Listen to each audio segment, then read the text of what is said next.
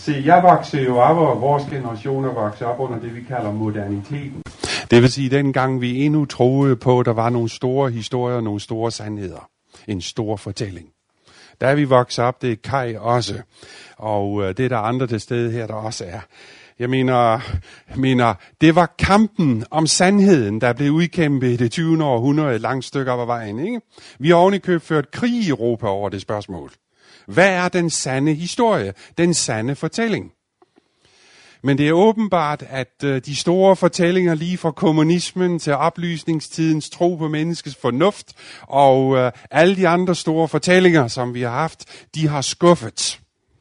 Det er meget svært i dag at overbevise nogen om den store fortælling, fordi man er blevet, den er blevet suspekt. Fordi der har været så mange store fortællinger, der forklarer alting lige fra verdens tilblivelse til, hvordan samfundet skulle indrettes. Og de fleste af de store historier, de har skuffet. Men hvor jeg voksede op, der var det stadigvæk kampen om den store historie. Hvem havde den sande historie? Og det skal ikke undre jer, at adventismen, som jeg er født længe før den postmoderne tid, hvad hedder det, havde et nøgleord for at fortælle om, hvad var det, der var særligt, skal vi sige, ved almenigheden? Jo, det var, vi er sandheden. Det er et bibelsk udtryk. Der er ikke noget forkert i udtrykket som sådan. Men vi har næppe valgt det udtryk for at skulle sige, beskrive vores egen selv, selvforståelse og vores egen identitet, hvis ikke vi netop har levet i det, vi kalder moderniteten. Hvor det netop var kampen om den store sandhed, eller den store fortælling. Så når I hører det udtryk blandt gamle adventister, så vær overbærende og medfølende og sympatiske og forstående. Ikke?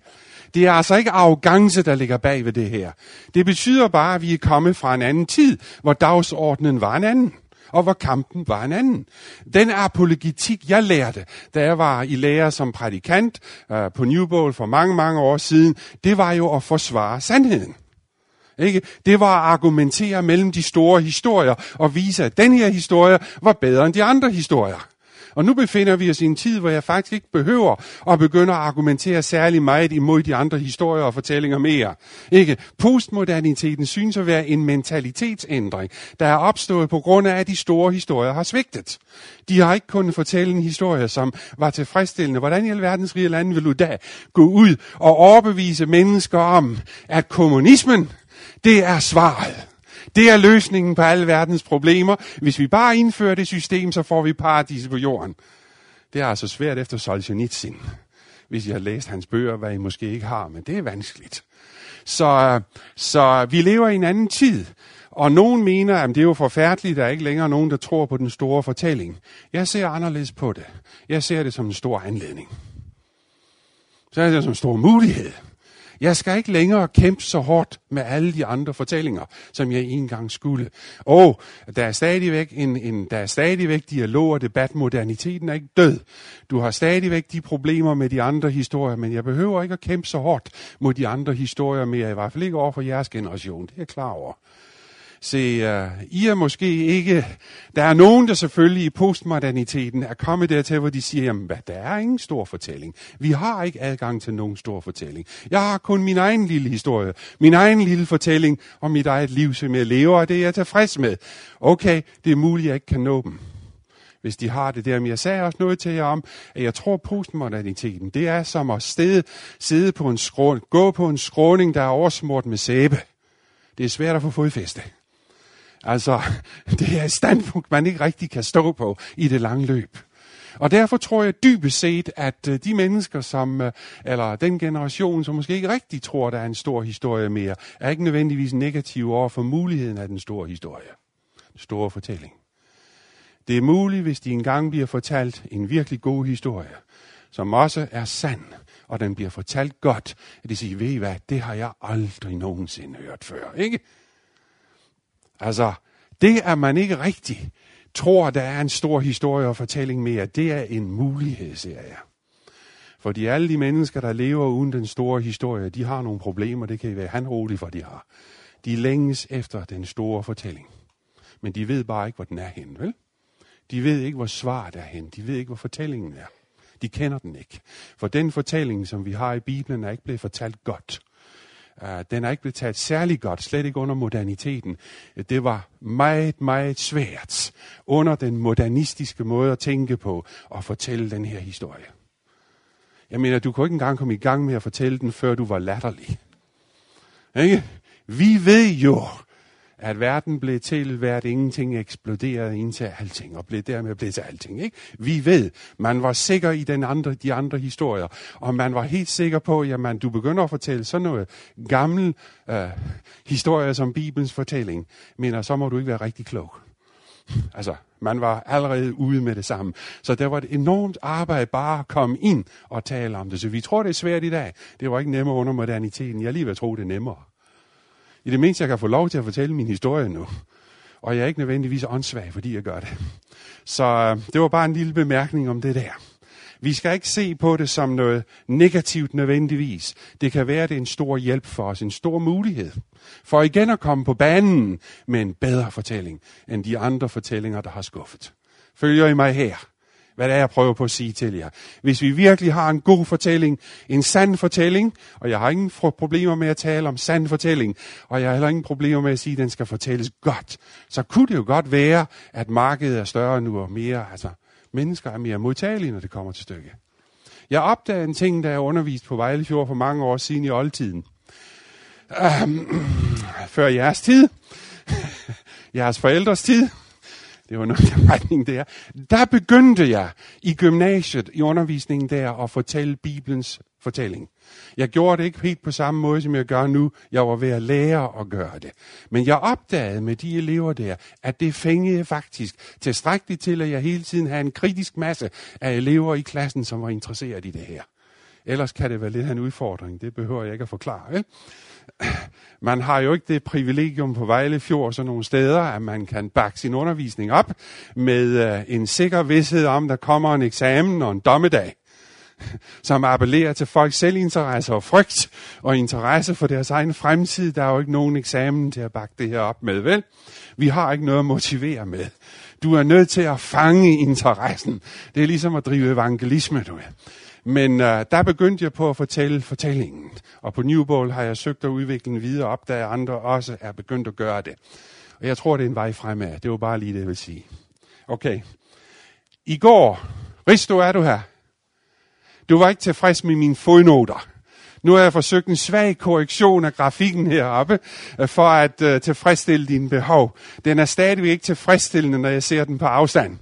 Øh, den er stadig for lang, den passer ikke helt ind i det her. Det skulle have været udvidet lidt, men tavlen, så skulle jeg til at viske det her ud og lave det om, og det vil jeg ikke.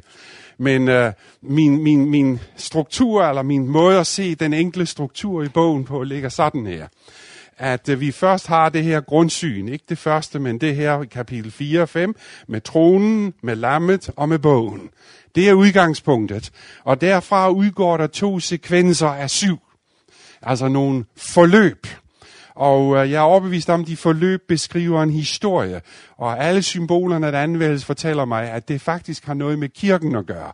Kirkens historie, kirkens funktion, og den måde Gud, skal vi sige, relaterer til sin kirke på. De forhold og vilkår, hvorunder den tjener ham osv. Ikke?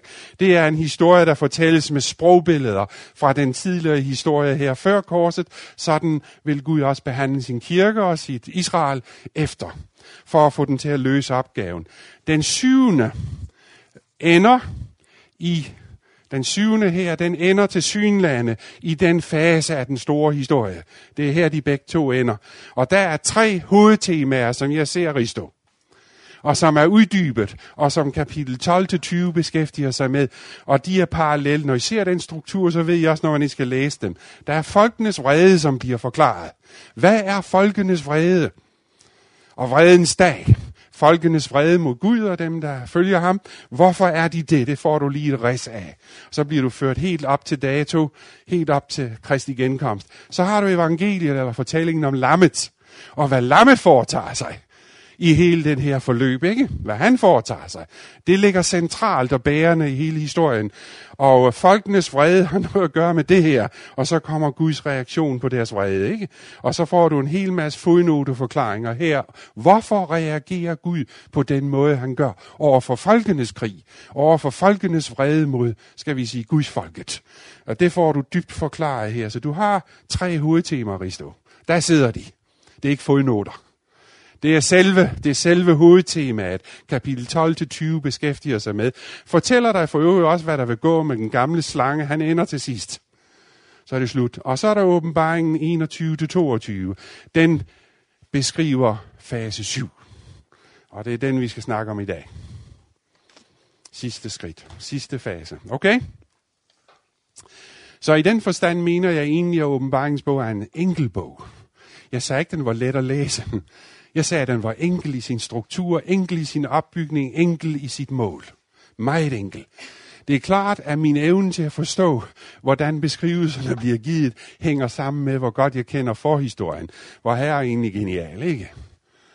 For øvrigt er åbenbaringsbog slet ikke skrevet for verden. Hvem blev den skrevet til? Menigheden. Kirken. Den har ikke adresse til den større verden derude. Den er egentlig ikke adresseret til dem. Det er ikke en bog, som du nødvendigvis skal prædike særlig meget ud fra, når du skal forsøge at tale med folk derude. Det er en bog, der har til formål, og skal vi sige, give kirken den opbakning og det rationale, det trosfundament, den overbevisning, den vidshed, som sætter dem i stand til at fortælle historien med overbevisning. Ikke? Med andre ord, det er for at bygge menigheden op til dens mission. Det tror jeg er egentlig bogens formål. Så øh, hvor herre er genial, han siger, det er godt nok. Hvis du bøvler med det her og ikke kan forstå det, ved du hvad, nu vil jeg fortælle dig en lille ting. Du skal altså til at læse noget af forhistorien. Du skal rigtig ind i historien. Du skal lære den her fortælling at kende fra A til Z. Og når du begynder at få fat i fortællingen fra A til Z, så begynder du også at kunne forstå, hvad det er, jeg snakker om her. Og så er du for øvrigt også, det er bare en sidegevinst ved det, i stand til at begynde at fortælle den til andre. Okay, skal ikke lægge flere byrder på jer. Men uh, der er en genialitet i det, som jeg ser her. Det er, at øh, uh, hvor herre vil gerne have, at vi forstår den store fortælling. For det er den store fortælling, han vil have, at vi skal fortælle. Og vi er for dogne naturligvis til at gå ind og lære den store historie at kende, medmindre vi ligesom bliver, du ved, skubbet derind, ikke? Jeg tror, hvor her er en god pædagog til sådan en sag. Åbenbaringen 21, 1-5. Det er så dagens tekst, eller tekstemne, det er de to sidste kapitler i åbenbaringens bog, og en ting, I vil bemærke, inden vi er forbi, det er, at kapitel 21 korresponderer til kapitel 1 og 2 i første Mosebog. Det er, hvad de gør. Og nu skal vi kigge på, hvordan den korrespondence er. Kapitel 21, vers 1-5. Og jeg så en ny himmel og en ny jord, for den første himmel og den første jord forsvandt, og havet findes ikke mere. Den første jord, det er den historie, vi kender til her. Ikke? Og den hellige by, den i Jerusalem, så jeg kom ned fra himlen fra Gud, reddet som en brud smykke for sin brudgam. Og jeg hørte en røg rust fra tronen sige, nu er Guds bolig hos menneskene, og han vil bo hos dem, og de skal være hans folk, Lad I mærke til, hvad Guds bolig her er. Hvad er Guds bolig for noget? Det er Nye Jerusalem. Det er hans residenssæde. Det var noget af en tanke. Han, nu er Guds bolig hos menneskene. Han vil bo hos dem, og de skal være hans folk, og Gud selv være hos dem. Han vil tørre hver tårer deres øjne, og døden skal ikke være mere, eller sorg, eller skrig, eller pine skal være mere. Til det, der var før, er nu forsvundet. Og han, som sidder på tronen, og vi er stadig i tronrummet, ikke? Hvor Johannes også er i sit syn. Han, der sidder på tronen, siger, se, jeg gør alting nyt. Og han sagde, skriv, for disse ord er troværdige og sande. Og han sagde til mig, det er sket. Jeg er alfa og omega. I ved godt, det er de to første og sidste ord i det græske alfabet, ikke? Begyndelsen og enden. Thomas ved i hvert fald. Jeg er alfa og omega, begyndelsen og enden. Den, der tørster, vil jeg give kilden med livets vand for intet. Den, der sejrer, skal arve dette, og jeg vil være hans Gud, og han skal være min søn. Igen motivet sejr, som du godt forklarede den anden dag, hvor du nu sidder, du sidder dernede, ja, at det har med udholdenhed at gøre. Sejren her består ikke i, at, at den består faktisk i, at du holder fast ved Jesus, ligegyldigt hvad der kommer på din vej. Du giver ikke op. Du holder fast. Det er, det er i det ligger. Og derfor er det, Jesus også sagde, at den, der, der holder fast ved mig, ham holder jeg fast ved. Og den, som, den, som hvad hedder det, tvætter sin eller vasker sine klæder i mit blod, og ham vil jeg vedkende over for min far og for alle englene. Det ligger alt sammen pakket ind her. Her får du at vide, enten du er mand eller kvinde, at du har status som søn af Gud. For øvrigt er det også det, Paulus han siger der i, i, hvor er det hen, han taler om, der er ingen forskel på mand og kvinde, træl og fri, du ved ikke. Og så går han videre, det er mand og kvinde, og græker og græker og jøde, alle er, og så bruger han udtrykket søn af Gud. Så der er tale om status. Med andre ord, enten du er rig eller fattig, træl eller fri, eller mand eller kvinde, så har du samme stilling og status og position hos Gud. Samme privilegium. Det er også en tanke, vi skal have med os. Det er syndfaldet, der har ændret på det forhold. Det var aldrig Guds tanke, at det skulle være anderledes. Så går han videre, men de feje, de troløse, de afskydelige morderne, de utugtige og troldmændene, afgudstyrkerne.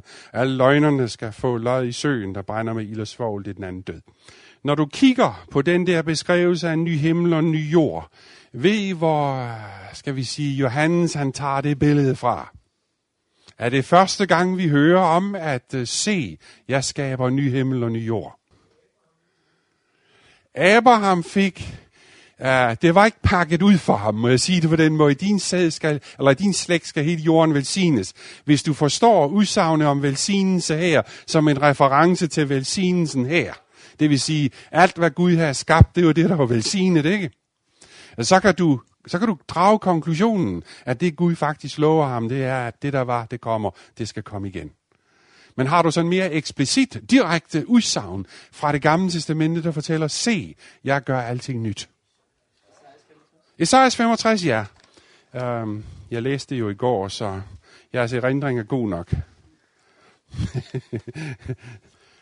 det er vers 17, bare lige for jeres reference, og 18 og 19.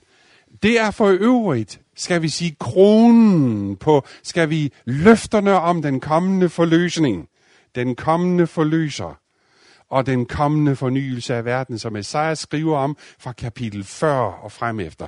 Her er du nået højdepunktet. Og her kommer ligesom kronen på værket, hvor han siger, nu skaber jeg ny himmel og ny jord. Det, der skete tidligere, skal ikke længere huskes, og ingen skal tænke på det. Men I skal fryde jer og juble jer til evig tid over det, jeg skaber.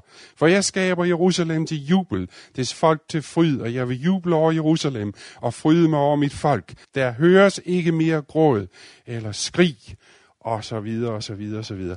Så du behøver ikke at gå ret langt, eller du behøver ikke at tænke ret meget over det der, for du kan høre, at Johannes i åbenbaringsbog, han griber fat i det der løfte, eller det der, den vision, som Esajas har efterladt sig. Ikke? Det er der, han bygger. En ting, vi skal bemærke, det er, at øh, der er også forbindelse mellem den her tekst til første Mosebog. Ikke alene at tale om genskabelse, men hvor begyndte smerten og skriget og pinen hen i den store fortælling? Hvor begyndte det?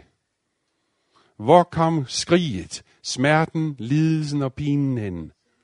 Det kom i kapitel 3 i første Mosebog, det er rigtigt, i anden stadie. Det er der, du har i dit ansigt, med smerte skal du føde børn, ikke? Og så bliver der sagt til Adam, i dit ansigt sved skal du æde dit brød. Uh, Torn og tisse skal den bære dig, ikke? Og i dit ansigt sved skal du æde dit brød, indtil du vender tilbage til jorden, og jord er du, og til jord skal du blive. Se, den der lidelseshistorie, som både Esajas, såvel som, øh, som øh, Johannes henviser til, den har rødder helt tilbage i begyndelsen af historien. Og det du får at vide her, nu er tiden kommet, da det aldrig skal være mere. Ikke mere skrig du. Ikke mere pine. Ikke mere smerte. Ikke mere sorg. Det, der var før, er nu forsvundet. Det samme sagde Esajas en eller anden måde, så var det den vision, der ligesom drev Israel i hele den lange historie, har det været håbet, forventningen om, at en dag vil Gud gøre alting nyt. En dag, så vil tingene blive bedre. Det har været det, der drev generation efter generation og holdt dem gående under de vanskeligheder, som verden nu her er på. Hmm?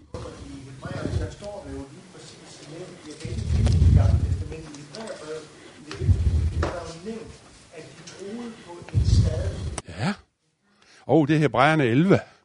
Ja, hvorfor læser vi ikke også det?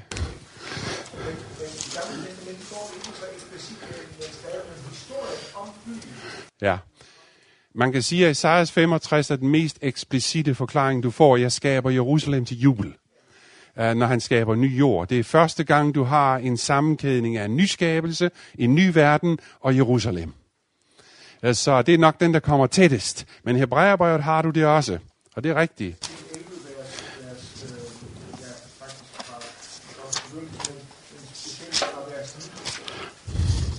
Det er troskapitlet, det er analog, det som jeg lige sagde om, det var det, der holdt dem gående, ikke?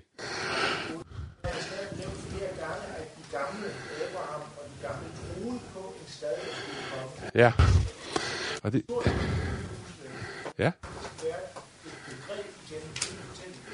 Jo, altså hvis du tager fat i løftet til Abraham og hvordan det udvikler sig. Jeg har udvalgt mig Jerusalem til det sted, hvor jeg vil bo, siger han til Israel. Ikke? Han bygger helligdommen, og mere og mere begynder, skal vi sige, fremtidens håb at knytte sig til den kommende fyrste, den kommende konge og Jerusalem. Og derfor er det ikke så underligt, at på et tidspunkt så begynder du at se det der som noget fuldstændig fundamentalt.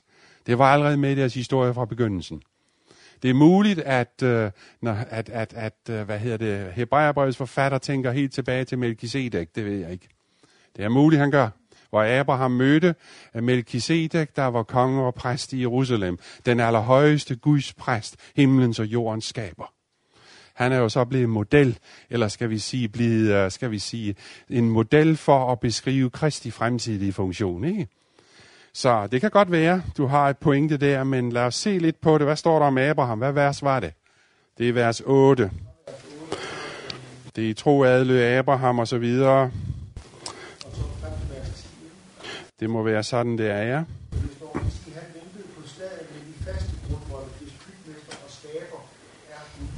Ja, det er klart, at forfatteren her, han, øh, han henviser til Abraham i lyset af, skal vi sige, hele den historie, der har passeret indtil han skrev Hebræerbrevet. Det var med andre ord, den der skrev Hebræerbrevet forstod, hvad løftet til Abraham gik ud på. Det er sådan, han udlægger det. Ja? Fra vers 13 til vers 16, hvor, han, hvor, hvor Hebræer, øh, forfatteren Hebræerbrevet øh, skriver om alle, der troede, øh, alle de døde, der troede. Øh, det er fra vers 13, så kommer der vers 16 men nu står deres tro til bedre, nemlig det himmelske førerland. Derfor skammer Gud sig ikke ved dem, ved at kaldes deres Gud, til han har bredt dem i skade. Så den historie, den har... Den er gammel. Fortællingen om, at der kommer en ny himmel og en ny jord, der kommer en stad, der kommer et rige, den er lige så gammel som det gamle testamentets fortælling.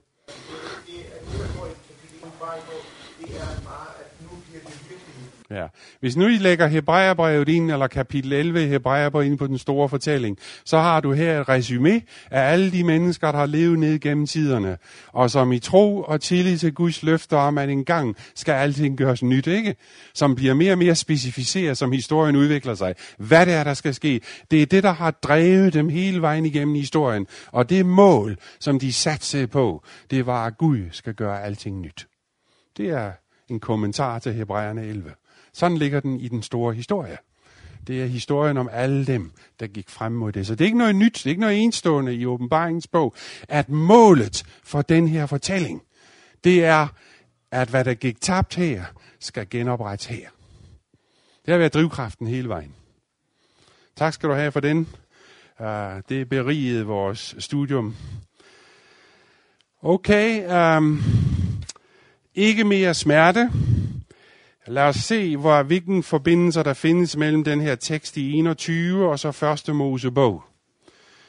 Uh, det her udtryk, der ikke er mere smerte, der ikke er mere død, det er et ekko af forbandelsen i første Mose kapitel 3.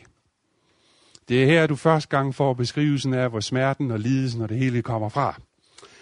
En anden ting, som øh, fortæller dig, at de her kapitler, hvad hedder det, øh, har relation til første Mosebog, det læser du om i åbenbaringen 22.2, hvor du har en genfortælling af det. Vi kan læse det også. I 22.1, og englen viste mig flodet med livets vand klart som krystal. Den vælger ud fra Guds og lammets trone. I midten med gaden på den ene side og floden på den anden står livets træ, som bærer frugt 12 gange. Hver måned giver den frugt, og træets blade tjener til lægefolk for folkeslagene. Og der skal ikke være mere, der er noget under forbandelse. Men Guds og lammets trone skal stå i byen, og hans tjenere skal tilbede ham, og de skal se hans ansigt og bære hans navn på deres pande, og så videre. En anden ting, der minder dig om første Mosebog, hvad er det? Vi læste teksten. Hvad minder der om første Mosebog der? Livets træ, ja. Hvor dukker det op første gang? I første Mosebog, der har du det. Der har du beskrivelsen af livets træ. Hvad det end står for, end det er. Det vil jeg ikke kommentere her. Men der er tale om et begreb som livets træ. Og det er en meget vigtig oplysning i første Mosebog. Den er vigtigere, end vi normalt lægger mærke til. Skal vi komme tilbage til. Det minder der også om, at, hvad hedder det, at det vi snakker om her, det der gik tabt her, blev udelukket fra, det er det, der bliver oprettet her. Og så er der erklæringen i øh, vers 3, kapitel 22. Der skal ikke mere være noget, der er under forbandelse. Hvor kommer, hvad betyder forbandelse, og hvor kommer den fra? Der, der tales om, at han forbandede jorden, han forbandede slangen, og det er vel jordens forbandelse, der er tale om her, ikke? Men hvad betyder det, at Gud forbander jorden? Du mener, det betyder, at han ændrer, skal vi sige, måden naturen fungerer på. Den bliver en modstander. Den bliver besværlig. Den er ikke længere en ven af folket, så at sige, ikke? Livet bliver besværligt. Jo, tårn og tisse skal den bære dig, dit ansigt skal du knokle, indtil du går tilbage til jorden, og jord er det, til jord skal du blive. Forbandelsen er noget negativt. Det står i kontrast til, skal vi sige, velsignelsen. For da Gud skabte her i første Mosebog, der står der, han velsignede det der, han velsignede det, han velsignede det, han velsignede det. Det udtrykker alle Guds, Guds hensigter. Han var færdig, sagde han, det er evigt godt det her. Det er ligesom det skal være. Forbandelsen står i kontrast til det, ja? Rådighed, for at komme tilbage til det ord rådighed. Skal man arbejde for sig selv, Man skal ikke være slave for de andres rådighed, nej. Det er rigtigt. Det er helt korrekt. Den forbandelse er også væk, ja. Øh, det jeg bare vil gøre opmærksom på her, det var, at sådan et udtryk, intet er mere under forbandelse. Når du taler på den måde, så viser du, at du tænker i den store fortælling. Den store fortælling, der går forud. Du går helt tilbage til begyndelsen, hvor det hele startede. To gange forbandede Gud jorden. Først efter syndefaldet, derefter ved syndfloden. Så sagde han til Noah, jeg vil aldrig gøre det mere. Det er nok det her. Så kan man stille spørgsmålet, hvad er meningen med det her? Selve udtrykket forbandelse, det bliver et teologisk udtryk i Bibelen i den forrige historie. Og hvis ikke I kender forhistorien, og jeg har sagt det for tusinde gange, at hvis ikke I kender den historie der, så forstår I måske ikke helt, hvad det er, der er tale om. Ordet forbandelse bliver et nøgleudtryk i den bibelske fortælling. Hvor dukker det op efter skabelsesberetningen? Søndefaldet. Israels historie. Ja.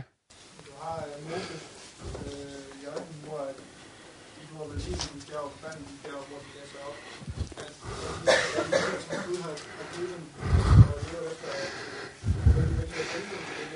Okay, det du henviser til, det er pakten. Den pagt Gud lavede med Israel. Der var velsignelsen og forbandelsen. Bare læs Mosebøgerne, så vil I opdage, I støder på den flere gange, ikke?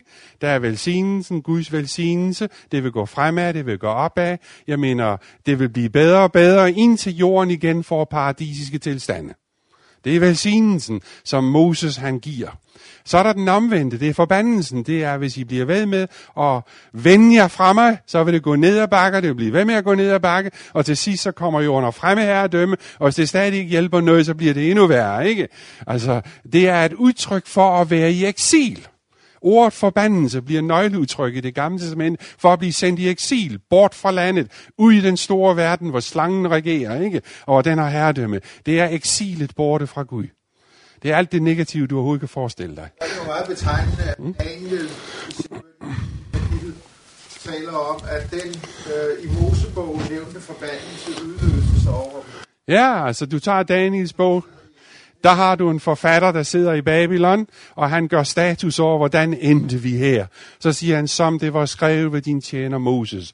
Den forbandelse, du har svoret, den er udløst over os. Det gik, som du har sagt, det vil gå. Ikke? Vi sidder med skylden og skammen, siger Daniel, ikke? i sin bøn der i kapitel 9. Du står med retfærdigheden og æren. Ikke? Og så videre. Så det bliver et nøgleord i Israels historie, det der udtryk forbandelse. Det betyder, at man bliver skubbet længere og længere væk fra Gud, eller man fjerner sig længere og længere fra ham, og alt det gode, som Gud har tænkt sig. Tingene bliver bare værre og værre. Det er et negativt udtryk. Når du så kommer til åbenbaringens bog, og du kender den forhistorie, eller den forståelse af udtrykket, der er ikke mere noget, der er under forbandelse. Så er det altså en god nyhed. Det er godt det her. Det har været sådan, det er ikke mere sådan. Det svarer jo også til, at nu er Guds bolig hos mennesker. Ikke mere eksil. Ikke mere borte fra Gud. Nu er det shalom, fred, sådan som Gud har ville det fra starten. Så her har du et andet udtryk, der kæder åbenbaringen 21 og 22 direkte sammen med den første eller begyndelsen af historien. Se, det der gik galt herhen, det bliver revideret her. Det der gik tabt herhen, det bliver genoprettet her. Ny himmel og ny jord. Forbandelsen, der røg ind her, bliver fjernet her. Ikke mere skrig, ikke mere pine, det begyndte her, det ophører her. Så det er sådan, fortællingen den skrider frem. Og der bygger, øh, hvad hedder det, øh, selvfølgelig Johannes på alle de tidligere løfter og forventninger, som du kan finde ned gennem fortællingen. Um,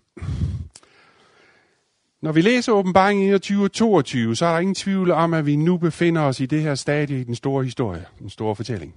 Vi er ikke her, vi er ikke her, vi er ikke her, vi er her. Det er, hvor vi er i fortællingen at den store strid mellem godt og ondt, den er forbi. Uh, slangen er ikke mere, hvor han endte. I ildsøen står der, han er væk, og uh, får aldrig mere vende tilbage. Uh, man kan sige, at det, den store strid er forbi slangen og hans følgesvenner og alle, der gik i hans tjeneste, de er borte nu. De er der ikke mere, og får aldrig mere vende tilbage. Den endelige udgang af synden og dødens rige, den er fuldbyrdet. Se, hvor er Guds børn henne nu? Hvor er de? De er sammen med Gud i staden. De er sammen med Gud i staden. Um, uh, Guds Israel er nu der, hvor Gud er, og hvor lammet er, inden for paradisets porte. Og vi har allerede fået at vide i åbenbaringen 5, hvorfor de er inden for paradisets porte. Den forklaring får du her.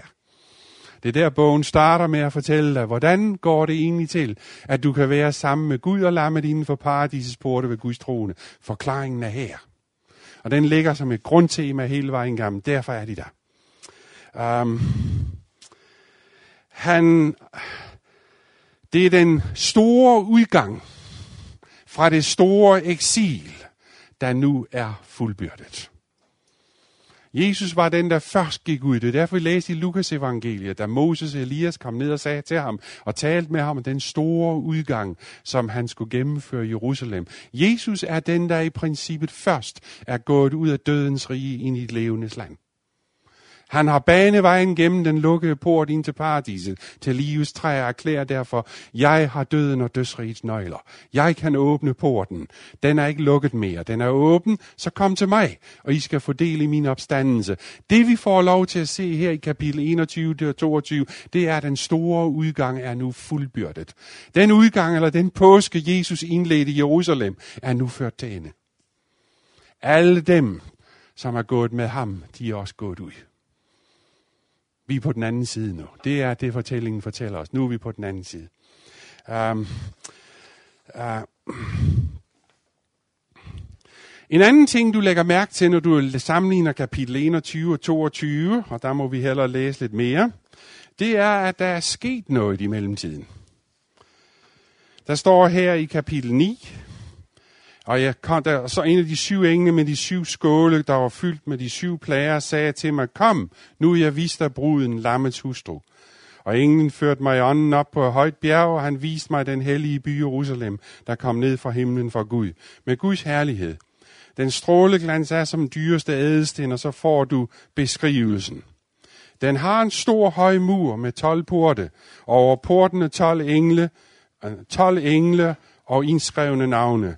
Det er Israels 12 stammers navne. Så hvor er navnene på Israels 12 stammer? Lag I mærke til det.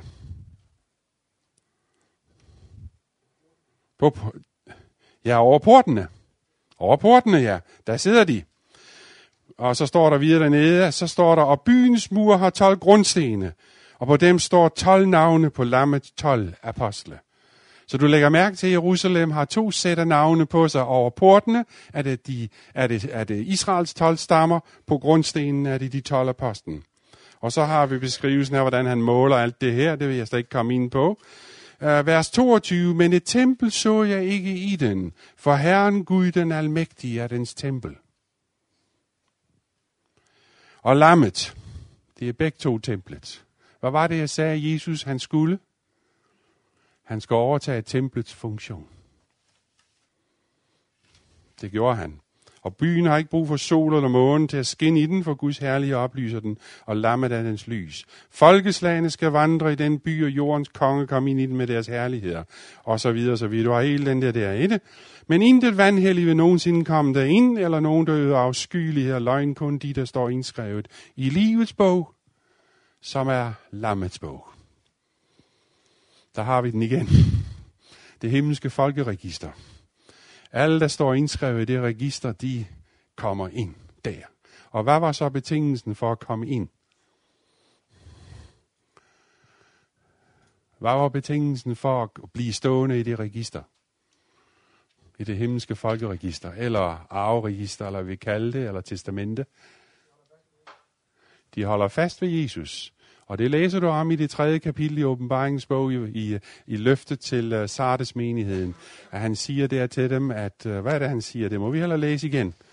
For vi skulle nødig gå glip af betingelserne. Her i vers 5. Den, der sejrer, skal klædes i hvide klæder. Jeg var aldrig slet hans navn af livets bog, men vedkende mig hans navn over for min far og hans engle. Så betingelsen for at komme med der den dag og være der, det er, at du her nu, hvad hedder det, vedkender dig Jesus og vil være Jesus bekendt. Du påberåber dig ham som din frelser, din herre og din forløser. Og det er det, du gør. Som Jesus han sagde det, en hver, der kommer til mig, vil jeg aldrig støde bort. Altså, det er ikke så kompliceret. Det største problem, vi har, det er nok vores uvillighed til at sige ja tak til at få en anden herre end os selv. Den største kamp, som vi mennesker har at udkæmpe, det er kampen med os selv. Jeg ønsker siden kapitel 3, første Mosebog, at være min egen herre og jeg har utrolig svært ved at give slip på at være herre i mit eget liv. Jeg er autonomos, som man siger på græsk, autonom.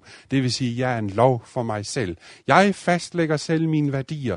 Jeg afgør selv, hvad der er rigtigt og forkert. Jeg afgør selv, hvad der er det gode liv nu. Det har været vores problem lige siden dengang. Vi blev skal vi sige, vores selv, vort ego, kom til at opsluge den plads, som Gud skulle have. Og den største kamp, du og jeg er involveret i, det er at give slip på os selv og erkende, at det er bedre at have Gud som center i vores liv, end at have os selv som center. Mm? Så, øh, så her er vi. Læg mærke til det her. Um,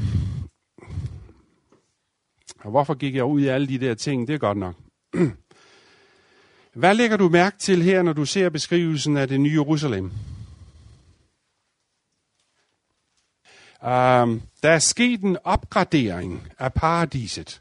Det ser ikke helt ud, som det gjorde i begyndelsen, gør det? Det blev opgraderet. Uh, nu er der en by, det nye Jerusalem, og en hovedstad. Da vi første gang hørte om paradiset, der var der ingen by. Der var kun de første mennesker, nævnt Adam og Eva. Der var livets træ, og Gud, som bevægede sig blandt dem. Så den her idé om, at Gud boede hos dem, eller Guds bolig var hos menneskene, er ikke helt ny. Så det er det billede, du får i paradiset i begyndelsen. Men der var ikke nogen by der, og der var kun to mennesker. Det er begyndelsen på en historie. Nu er de første mennesker blevet til de mange folkeslag, og paradiset er blevet befolket. Der er en talløs skare af alle stammer, tungemål og folk, som nu fylder byen med jubel, ikke? Og som tilbeder Gud. Vi er med andre ord et andet sted i fortællingen. Nu. Um, øhm, tilstedeværelsen af en by, det fortæller, at menneskeheden er blevet voksen, eller som du får siger det på engelsk, come of age. Ikke? Tiden er gået. Vi er med andre ord ikke bare spolet tilbage hertil. Vi er sat, vi er spolet frem hertil. Ikke? Vi befinder os ikke længere her. Der er en historie indimellem, og nu er vi her. Menneskeheden er blevet voksen. Der er sket noget. Vi er ikke længere i begyndelsen. Der er en lang historie. Har du nogensinde hørt den idé? Uh, eller hvad mener I om det der? Esajas sagde jo det der, at uh, uh, det, der skete tidligere, skal vi ikke længere huske, og ingen skal tænke på det. Har I nogensinde hørt nogle diskussioner i sabbatskoler eller lignende steder, hvor man diskuterer, kan det virkelig være rigtigt, vi skal have sådan et blackout? At vi skal tage på kommelsen? og ikke kun huske noget som helst af, hvad der har foregået i den her verden? Hvad mener I om det? Har I nogensinde hørt det? Er nogen, der, ikke, der, der siger bekræftende, ja, vi skal huske noget. Uh, Hvad mener I om det? Tror I, vi går hen og får et blackout? Eller hukommelsestab? Eller hvor her han lige trykker på slettetasken? Pst, du ved. Vi har ikke længere nogen erindring om, hvor vi kom fra, hvad der foregik, eller noget som helst. Ja.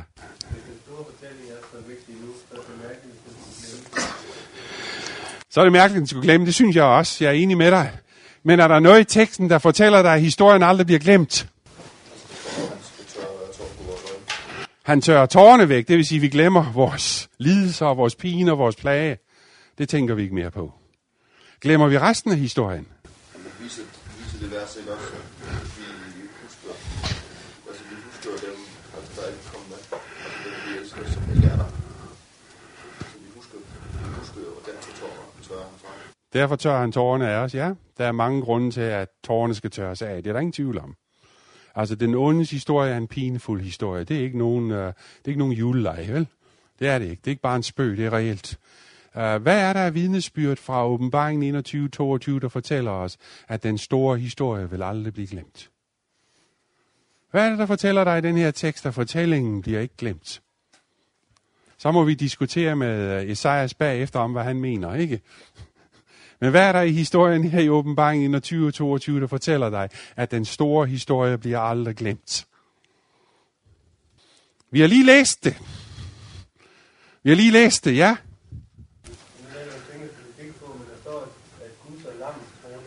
Ja. Okay, så lammet er der stadigvæk. Vi har stadigvæk Kristus der, og det symboliseres ved et lam. Det vil sige, Jesus øh, forbliver, og det er så en yderligere, yderligere tillæg. Der er ingen tvivl om, at Kristus fastholder sin menneskelighed. Han bliver et med os, han forbliver et med os. Det hører aldrig op. Han vil altid være en af os. Og det vil så, selvfølgelig, vi, vi, vi har det her klassiske udtryk, vi ser navlgaberne i hænderne. Du behøver mig mindre end det. Han vil altid være en af os, og det vil for evigt minde os om, hvad Gud gjorde. Gud blev en af os, for at vi kunne blive sammen med ham. Den historie var aldrig blive glemt. Aldrig nogensinde. For øvrigt, kan I huske alle de lovsange, der lød i himlen langs vejen? Hvad var det lovsang om? Frelsen tilhører hvor Gud og lamme, som sidder på tronen. Ikke? Vi glemmer aldrig den store historie om lammet og Gud, og hvad det tog Gud og bringe os tilbage til sig selv. Han måtte blive en af os, for at vi en dag kunne blive et med ham. Den historie var aldrig blevet glemt. Hvad er der ellers, der i, i, i teksten fortæller os, at vi vil huske den store historie? Så så en anden tekst. Øh, Esajas 66 slutter, hvor Esajas bog slutter med, at, øh, at vi skal tilbede sammen med Gud øh, hver måned. Øh, til nymånederdagen, og til Gud at se. Og vi skal være sammen med ham, det er der overhovedet ingen tvivl om. Esajas sagde det, Johannes siger det. Men hvad fortæller der i beskrivelsen, skal vi sige, at den nye jord, at den store historie, eller de store elementer aldrig bliver glemt? Det sidste siger, at vi skal ud og kigge på himlen, og dem, som vi skal se. Drenge, det vil sige, der må være noget i den tilbedelse af Gud, som på en eller anden måde minder os om om værende. Johannes vil kvalificere det der udsagn af Esajas og sige til ham, jo, det er rigtigt, for en tid vil du se det. Men så hører det op. Ildsøen bringer alt til ophør, der har med det ude, det undergør rod og gren. Det forbliver der ikke til evig tid. Det er derfor kapitel 20 er så radikalt, som det er. Vi bryder, uhu ha, det der med den her ildsø. Det er forfærdeligt, det bryder vi ikke om at snakke om. Det er en anden måde at fortælle os på, at det onde i alt dens væsen og væren vil forsvinde en gang for alle aldrig være mere. Du ved, ild opbrænder alt. Det er et meget stærkt billede, du bruger her. Ikke? Og når ilden ikke har mere at fortære, så er der ikke mere tilbage. Det er væk. Du kan næsten ikke finde stærkere billede. Nej, i vores moderne tid kunne vi finde noget, der var stærkere. Men ellers ikke i historisk tid nogle billeder, der var stærkere. Det er ikke det samme, som det ikke er virkeligt. Det er bare en anden måde at sige på, jo, det onde, råd og gren, det kommer til at ophøre. Det bliver ikke ved med at være der. Det bliver ikke ved med at være der. Så han har en uddybende bemærkning til Esajas. Hvad er der ellers, der fortæller os, den store historie vil blive husket? Du går rundt der om det nye Jerusalem en dag. Lad mig være lidt enkel i min måde at sige det her på. Og du... Åh, du har de 12 stammer skrevet over byporten. Hvad fortæller det dig?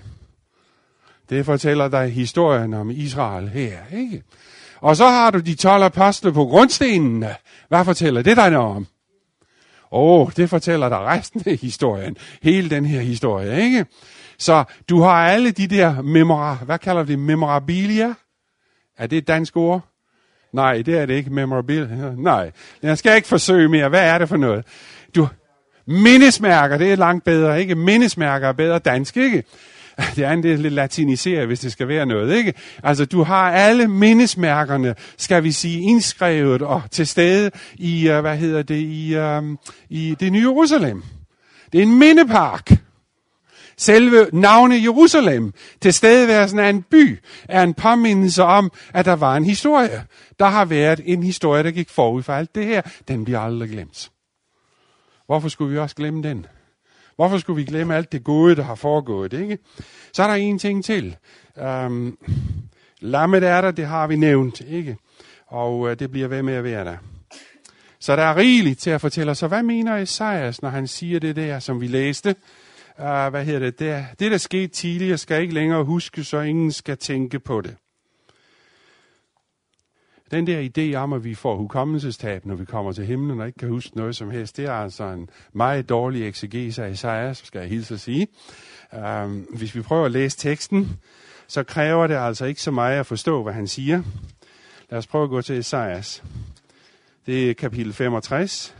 Bare for at anholde den bemærkning. Vers 17, nu skaber jeg ny himmel og ny jord. Det, der skete tidligere, skal ikke længere huske, så ingen skal tænke på det, men I vil fryde jer og juble jer til evig tid over det, jeg skaber. For jeg skaber Jerusalem til jubel, og dets folk til fryd, jeg jubler over Jerusalem, og fryde mig over mit folk, der høres ikke mere gråd eller skrig. Hvad er det, der skete tidligere, som ikke længere skal huskes?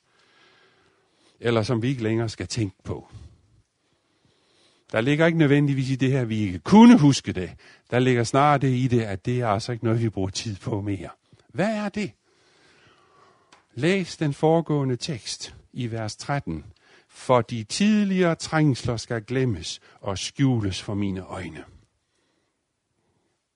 Så Johannes siger, eller Esajas siger nøjagtigt det samme som Johannes. Han vil tørre tårerne af vores øjne. Alt skidtet og alt møjet, der har været, enten i dit eget privatliv eller dit personlige liv, hvad du end har oplevet, hvad der end er sket, alt det negative, det befrier han os for. Du skal ikke leve med tømmermænd resten af evigheden, på grund af det, der er foregået her, vel?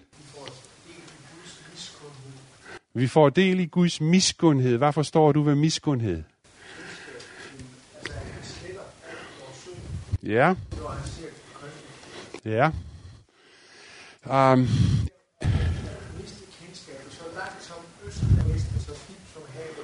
er. ja.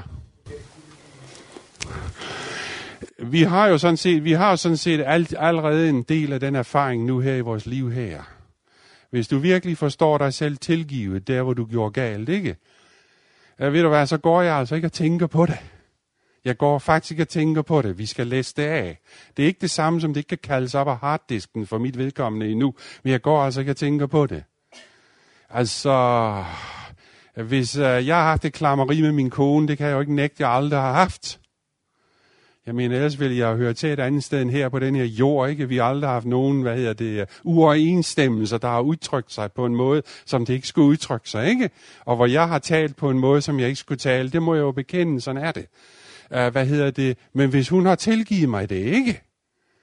Jeg går ikke og tænker på det mere, og det spiller ingen rolle i vort forhold. Vi fortsætter med det gode, der er, og lader skidtet ligge bagved os. Jeg mener, vi har allerede her nu en erfaring af, hvad det vil sige at være tilgivet. Det vil sige, det er blevet givet til os, og vi skal ikke længere tænke mere over det der. Vi lader det bag os og går videre mod noget bedre. Hvis det er allerede noget, vi kan opleve og erfare nu, hvor meget mere så ikke, når vi krydser grænselinjen til den næste verden. Hvorfor i alverdens rige land skulle vi gå og tænke mere på det? Men det gode, der har været, det vil fylde vores erindringer og vores tanker for tid og evighed. Til det kan jeg selvfølgelig lægge, at uh, Ellen White uh, sagde, at frelsesplanen eller frelsens mysterium, og dermed mysteriet om Guds væsen og karakter, det vil være de frelste studium for tid og evighed. Og jo dybere de kommer ind i den fortælling, jo dybere bliver deres hengivenhed, deres tilbedelse og deres taknemmelighed og deres glæde over at være Guds nærvær. Så med andre ord, hendes beskrivelse, det er, at det bliver en accelererende fryd at være i selskab med Gud. For jo bedre vi kender ham, jo bedre kommer vi til at holde af ham. Så noget som kærlighed, det er ikke noget, der er en fixeret størrelse. Enten det er noget, der kan vokse, det er noget relationelt. Og relationer kan styrkes og vokses i al evighed. Det er ikke det, Bibelen taler om, når den taler om, øh, hvad hedder det, den taler om, om øh, de få gange, den bruger ord telos eller fuldkommenhed eller noget i den her retning. Den taler om at være helhjertet og helt og fuld i din respons. Men dybden og længden og bredden er, hvor længe du kan vokse i dine relationer til andre mennesker og til Gud. Det er uendeligt. Ligesom den negative spiral også er uendelig. Hvis øh, vi lever på faldets vilkår og bliver mere og mere selviske, som vi går fremad på vejen, så bliver vi også mere og mere mistroiske over for andre mennesker, og til sidst stoler vi ikke på nogen som helst. Og til sidst ender vi i total paranoia. Det er dødsspiralen, som gik i gang i paradiset. Når du møder mennesker, jeg har mødt nogle ganske få, helt unge mennesker også, som faktisk, øh, det er jo ligegyldigt, hvad du gjorde, hvad du sagde til dem, så var de allerede i gang med en konspirationsteori om, at du må have et eller andet i baghånden. Du må have et eller andet op i ærmet, siden du taler så venligt til mig. Ikke? Mennesker, som er blevet fuldstændig paranoide. Se, synden eller syndens væsen gør, at vi til sidst mister evnen til at kunne stole på andre mennesker. Tag eksempler som Stalin. Han døde som den mest paranoide person, du overhovedet kunne forestille dig. Han turde ikke stole på nogen som helst. Og til sidst systematiserer han sin mistillid til at være sikker på, at folk bliver ryddet af vejen så hurtigt, at de ikke kunne nå at få magt nok til at rydde ham af vejen. Så systemet var en maskine, der gik i gang. Bare læs Solzhenitsyn, hvordan han fungerer efter de, skal vi sige, vidnesbyrd. Han samlede op for folk, der var inde i gulag, fordi Stalin havde sendt dem. De var jo alle sammen uskyldige, dem der endte der, ikke? De kunne ikke forstå, at de var det, men en stor misforståelse jo, at øh, han havde sendt dem derud, hvor de jo gode, loyale understrykker. Men Stalin fulgte det princip, at ingen måtte sidde i en position, og ingen måtte komme så nær til magten, at de nogensinde kunne være en trussel for ham. Kom de for tæt på, så sørger han for, at de kom væk. Han var totalt paranoid. Og Beria, som var hans højre hånd, du ved, de to kunne overhovedet ikke stole på hinanden jo. De levede i evig frygt for hinanden og var hele tiden i gang med at søge og sikre sig imod den anden person konstant. Det er helvede, det der. Var det Sartre, eller var det Camus, der skrev en novelle? Der skrev en novelle her i 60'erne som, som, øh, om, om to mennesker, der kom i helvede. Og øh, han skulle så beskrive, at han helvede var ikke. Jo, men der var al den komfort, du kunne tænke dig. De skulle leve sammen der i helvede. Og det var ikke som de havde forestillet sig med en eller flammer eller noget i den her retning. Nej, nej. Nej, der var al den luksus og komfort, de skulle, tænke, de skulle have. Der var bare én betingelse, de skulle leve sammen i det samme rum i al evighed. Og lige pludselig udbryder den ene efter en vis tid. Helvede, det er den anden. Det er de andre, ikke? Og sådan ender hans øh, fortælling ikke. Helvede, det er de andre. Se, det er ikke muligt. Der, problemet er, at egoismen eller selviske, nu kommer jeg ind på en anden prædiken her, ikke? den har den effekt, at den gør os til sidst fuldstændig uegnede til at have med andre mennesker at gøre. Og til sidst ender vi i total paranoia. Vi bliver fuldstændig mistillidsfulde. Det er en umulig livsform. Så jeg må sige, på den bibelske fortælling er selve syndens eksperiment, som djævlen satte i gang, en umulighed. Han er det mest paranoide væsen, der findes i hele universet. Og han har, vi har erfaret hans, hans længe. Så det er egentlig en barmhjertighed, at vi måske ikke lever længere, end vi gør. Det er måske godt. Så vi vil alle sammen være kandidater for et lukket afdeling, eller noget i den her retning. Ikke? Så okay, det var lige en bemærkning her. Hvorfor sagde jeg det? Der er en ting til, som du nævner i forbindelse med øh, øh, uh, 21 og 22. Det er, at Guds navn står skrevet på vores pander. Hvad tror I, det betyder? Guds navn står skrevet på vores pander. Det er selvfølgelig billedet af det her romerske brændemærke på slaver, ikke? Psst, du ved, de tilhører X, du ved, hvad de nu hedder, ikke? Hvad vil det sige her? Hvad tror du, han tænker på her, når han siger Guds navne på deres pander? Hvad minder det dig om? Hvad stod der i første Mosebog? Hvad var vi skabt til? Som mand og kvinde skabte han dem. I Guds billede skabte han dem. Vi var skabt til at bære Guds billede. Tror du, det sådan er sådan helt fysisk? Eller tror du, der ligger noget mere i det der, ved at være skabt i Guds billede?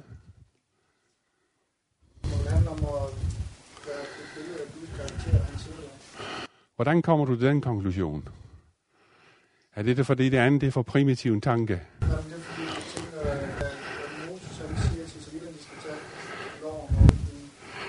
Pander deres hånd, ikke? Så det er det, som Paulus han taler om, når Paulus han siger, lad jer forny jeres sind, ikke? At vokse op til Jesus Kristus ved en fornyelse af vores sind, det er det tankesæt, som begynder at herske, og de værdier, der hersker i vores sind. Um, der er et argument til for, hvad det kunne være. Det var, at Paulus argumenterer i Korintherbrevet, at Jesus, og det er første gang, den billede, det, det anvendes igen siden første Mosebog, at Kristus er Guds fuldkommende billede. Han er hans udtrykte billede af hans væsen. Du, ved. du finder det der argument i det nye testamente. Han spiller på første Mosebog. Og dermed er den overbevisning, at når Paulus, eller når Bibelen taler om, at vi var skabt i Guds billede, så betyder det, at vi var skabt til at være delagtige i hans egenskaber.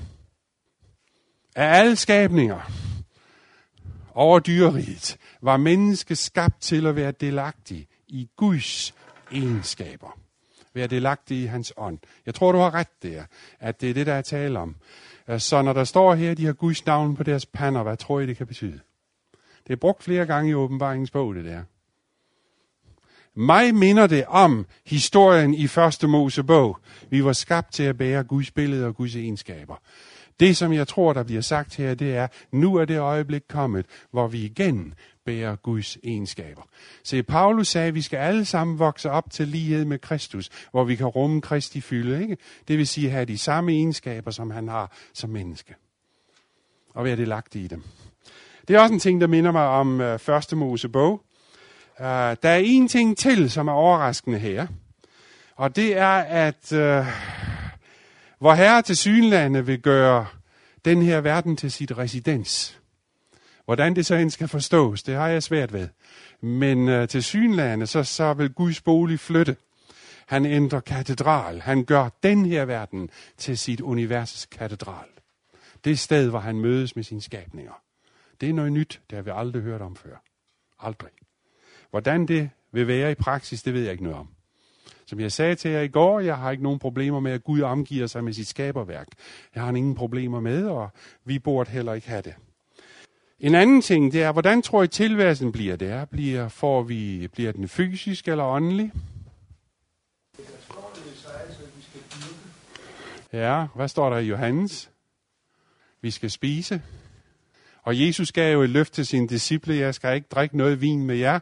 Det er sidste gang, jeg drikker af den her vin, før jeg drikker den ny sammen med jer i Guds rige. Så han skal spise. Med andre ord, hvad vores fysikalitet vil være, det var et ord, som jeg har oversat fra engelsk, hvad den bliver, det kan jeg ikke svare dig på. Men der er ingen tvivl om, at den verden, som Gud har i tanke for os, er en fysisk verden. Hvor fysiske funktioner finder sted, hvor vi har et fysisk liv. Det her med, vi har et udtryk på dansk, det her et afsjæle læme. Det her med en eksistens, hvor vi har et aflæmet sjæl. Det var også et udtryk, jeg lige lavede. Jeg har aldrig læst det. En, af, en aflæmet sjæl. Det er ikke det billede, som øh, Johannes giver os, og som Esajas giver os, og som Jesus giver os. Men I må være klar over, at de fleste af jeres medkristne, de tror faktisk, det er det, der er vores destination. At målet, det er himlen, ikke en ny himmel og en ny jord. Målet, det er at, have en, at være en aflæmet sjæl.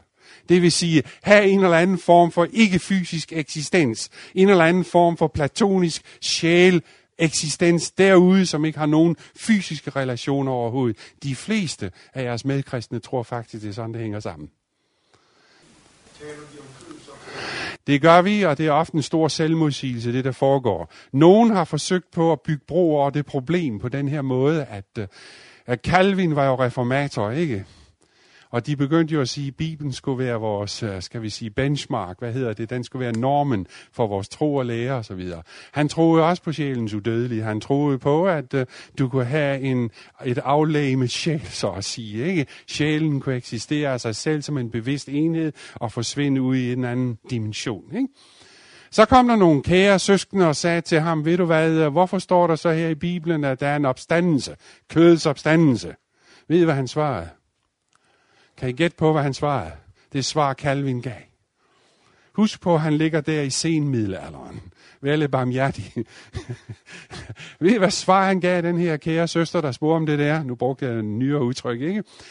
Hvad han sagde, jeg skal sige dig, hvorfor du en dag skal have et læme igen. For når du får et læme igen, vil du bedre kunne nyde paradisets glæder og mærke helvedes pinsler. Han troede på evig brændende helvede, så han sagde, at formålet med, at vi skal have et nyt lame, det var for, at vi kunne nyde det gode bedre, ellers vi endte i helvede, så kunne vi, så kunne vi få større lidelser. Uh, det er ikke Bibelens billede af det her, så den protestantiske tradition har haft nogle problemer omkring det her. Og ofte så er det en absurd selvmodsigelse, det du hører på. Du er gået til himlen, og alligevel skal du tilbage og have et læme, eller også skal du ikke have det. Der er total forvirring der. Min forståelse af den bibelske fortælling, det er, at vi begyndte som væsner. Vi kan ikke have en afsjæle, vi kan ikke have en, øh, for at bruge de udtryk, du kan ikke have en eksistens, uden at være både ånd og krop. Når de to er adskilt, så er du bare ikke til stede som et levende væsen. De to skal være til stede. Det er Bibelens billede af det, og der er ikke noget galt med det. Når vi længes efter at komme af med det her stinkende læme, så er det på grund af vores øh, erfaringer her i verden, ikke? Hvor nuværende liv. Men uh, paradisets liv var der ikke noget galt med. Og det billede, du får at vide her, det er, jo, fremtiden bliver også fysisk. Vi får et læme, vi får en krop, vi vil være til stede der. Og det er noget, vi skal lægge mærke til. Det er en del af det.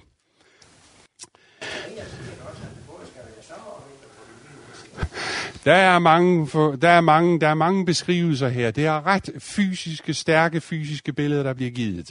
Men det er en fysik, der ikke længere er belemret med, skal vi sige, forfaldsprocesserne. Forbandelsen er borte. Der er ikke længere noget forfald i det her. Døden er der ikke mere.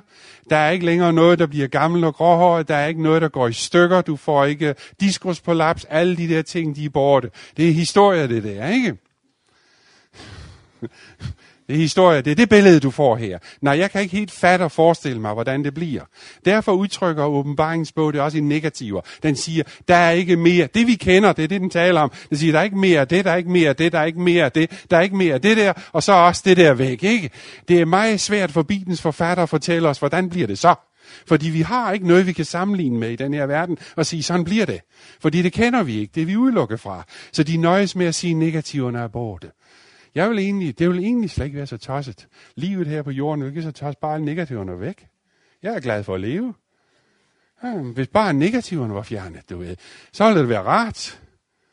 Det er rundt slet ikke tosset. Det er et godt liv, du ved ikke. Så øh, på den måde har vi lov at forestille os lidt om det.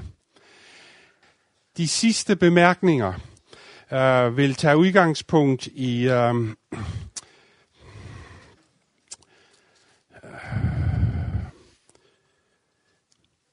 I Paulus 1. Korinther 15, tror jeg det er, når jeg engang har fundet det. Ja. Paulus siger noget der, som øh, jeg finder temmelig interessant i forbindelse med det, vi læser her i åbenbaringens bog. Han taler om den fremtidige opstandelse osv. osv. Det er, hvad han har i tanke. Men det siger jeg, brødre. Kød og blod kan ikke arve Guds rige. Og det forgængelige arver heller ikke det uforgængelige. Det han mener, det er, at i vores nuværende tilstand kan vi indgå i Guds rige. Som vi er nu i vores faldende forgængelige tilstand, der er vi ikke egnet materiale til Guds rige. Det er, hvad han siger. Se, jeg siger jer en hemmelighed. Vi skal ikke alle sove hen, men vi skal alle forvandles i nu, i et øjeblik, ved den sidste basun. Herhen. Så er vi tilbage i historielinjen. For batunen skal lyde, og de døde skal opstå som uforgængelige, og vi skal forvandles.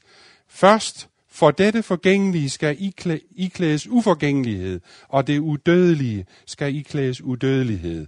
Og når dette forgængelige er iklædt sin uforgængelighed, og det dødelige iklædt sin udødelighed, der vil det ord, der er skrevet, være opfyldt. Døden er opslugt og besejret. Død, hvor er din sejr? Død, hvor er din brød? Dødens brød og synden, og syndens kraft og loven, og så videre, og så videre, og så videre, dernede af. Jeg ved ikke, om det virker overraskende på jer, det Paulus han faktisk her siger. Um, den der idé, at uh, det forgængelige skal iføres uforgængelige, det kan jeg forstå.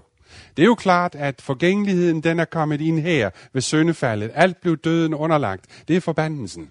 Vi er forgængelige. Det er ofte, vi siger, jamen kære venner, hvorfor bliver vi syge? Skal der være sygdom på Guds, på det nye jord? Øhm, øh, der står jo i åbenbaringens bog, at bladene på livets træ var til lægedom for folkene. Så skal vi altså gå og være syge, så går vi op og får et plaster på en gang imellem. Jeg tror faktisk, at det skal forstå sin større sammenhæng, det der siges her. For død og skrig og pine skal jo ikke være mere. Så hvorfor skulle der være sygdom?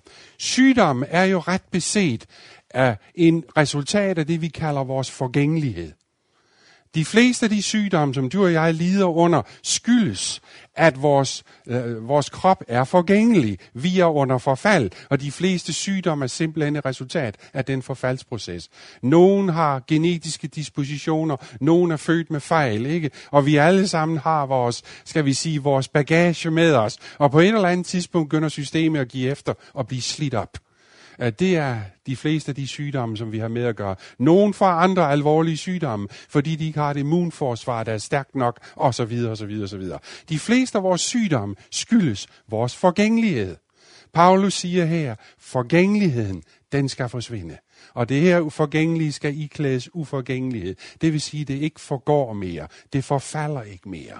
Forfaldsprocessen begyndte i faldet. Det var Guds, øh, den byrde, han lagde på vores vej for at kue vores, øh, skal vi sige, vores, vores, øh, vores gudskomplekser, hvor vi troede, vi var herre selv. Vi har lært den hårde vej, at vi er forgængelige, vi er ikke udødelige. Hvad mener I om det, Paulus siger her? Dette dødelige skal iklædes udødelighed. Det er det eneste sted, hvor det nye testamente bruger udtrykket udødelighed om mennesker. Alle andre steder, hvor udtrykket bruges, der er det om Gud. Gud alene har udødelighed, siger Paulus. Så hvad kan Paulus mene, når han siger, at vi skal iklædes udødelighed? Har I nogensinde tænkt på det? Det er en del af, der vil ske herhenne, når Gud skaber alting nyt. Um, uh, har I nogensinde tænkt på det, I læser her i åbenbaringens bog, om uh, livets træ er til stede? Har I sammenlignet det med, hvad der står om i 1. Mosebog, kapitel 3? Der står her følgende. Nu er mennesket, det er vers 22 i kapitel 3. Nu er mennesket, nu, der står her. Nu er mennesket blevet som en af os til at kende godt og ondt. Bare det nu ikke rækker hånden ud og også tager livets træ og spiser og lever evigt. Så en af de mest overraskende tanker, som du støder på i Bibelen, det var, at muligheden for det evige liv var inden for paradisets rækkevidder. Hvad menes der der? Og resultatet af, det er, at Gud så Gud så herren, så Gud sendte, så sendte Gud Herren dem ud af eden til at dyrke af jorden, som de var taget af. Han jo mennesket ud i østen for eden og anbragte keruberne og det lymende flammesvær til at vogte vejen til livets træ. Hvordan skal det forstås? kun Gud, der har liv i sig selv. Det ham, der hedder jeg er. Ja. Vi kan vi kan jo stadigvæk undgå at dø. Hvad er meningen her? Jeg troede faktisk ikke, at mennesket i skabelsen var underlagt forgængelighed. Det er der heller ikke noget, der tyder på, det var. Hvad er så meningen med livets træ her? Lad være komme ind på spørgsmålet om Gud formidler evigt liv via fysiske arrangementer. Det, det, det er uvedkommende egentlig. Spørgsmålet er, hvad er signifikansen af det, der siges her? At hvis de har spist af livets træ, efter de har spist af kundskabens træ, vil de være blevet dødeliggjort. Derfor bliver de udelukket. Væk fra det. Ingen adgang her. Det kunne tyde på, at de aldrig har spist af det før. Det var aldrig noget, der... Måske var det ikke til rådighed for dem på det her tidspunkt. Det ved jeg ikke. Men i hvert fald, de bliver udelukket fra det. De må ikke spise af det, for det vil have ført til udødeliggørelse. Hvad kan der ligge bag ved det her? Paulus fortæller os, at det vi blev udelukket fra i 1. Mose kapitel 3, nemlig adgangen til at spise livet træ, som vil have ført til vores udødeliggørelse. Ved opstandelsen, der bliver vi iklædt den udødelighed, som vi blev udelukket fra ved skabelsen. Hvad kan han mene med det? At vi får adgang til livets træ. For adgang til livets træ, står der, ja. Men jeg troede faktisk kun, det var Gud, der gik under betegnelsen udødelighed. Lad mig dele med jer, hvad jeg tror, det er, Paulus siger her. For jeg tror, Paulus faktisk har fat, og han sidder og tænker på første Mosebog, når han skrev det, han skrev. Ligesom Johannes i åbenbaringsbog sidder og tænker på første Mosebog, da han skrev det, han skrev. Det har altid været Guds hensigt, at vi mennesker skulle være delagtige i Guds ånd, det vil sige bære hans billede, have hans egenskaber. Men til synlande var det også Guds plan og hensigt, at vi en dag skulle opgraderes til, også at være delagtige i hans udødelighed.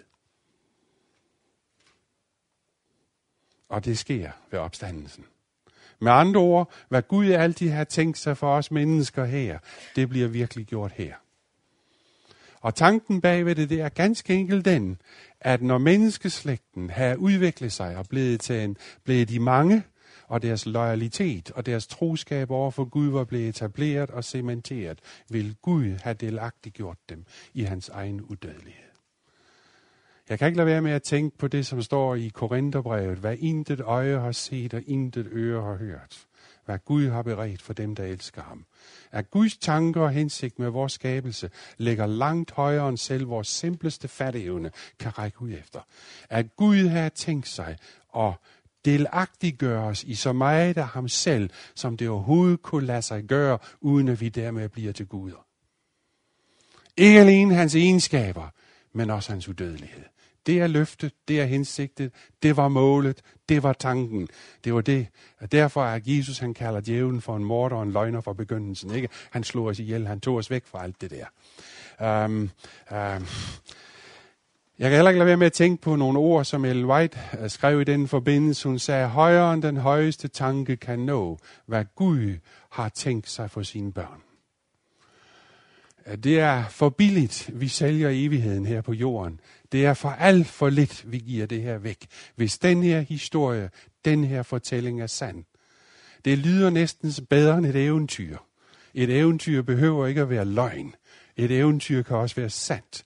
Det lyder bedre end det, din vildeste fantasi overhovedet kan forestille sig. Jeg kan slet ikke begribe, hvad det vil sige, det vi læser her. Det går hinsides alt. Jeg er ikke i tvivl om, at meningen med, at det skal være til lægedom for os, er et udtryk for, at den dag, vi får adgang til livets træ, den dag er vores forgængelighed over.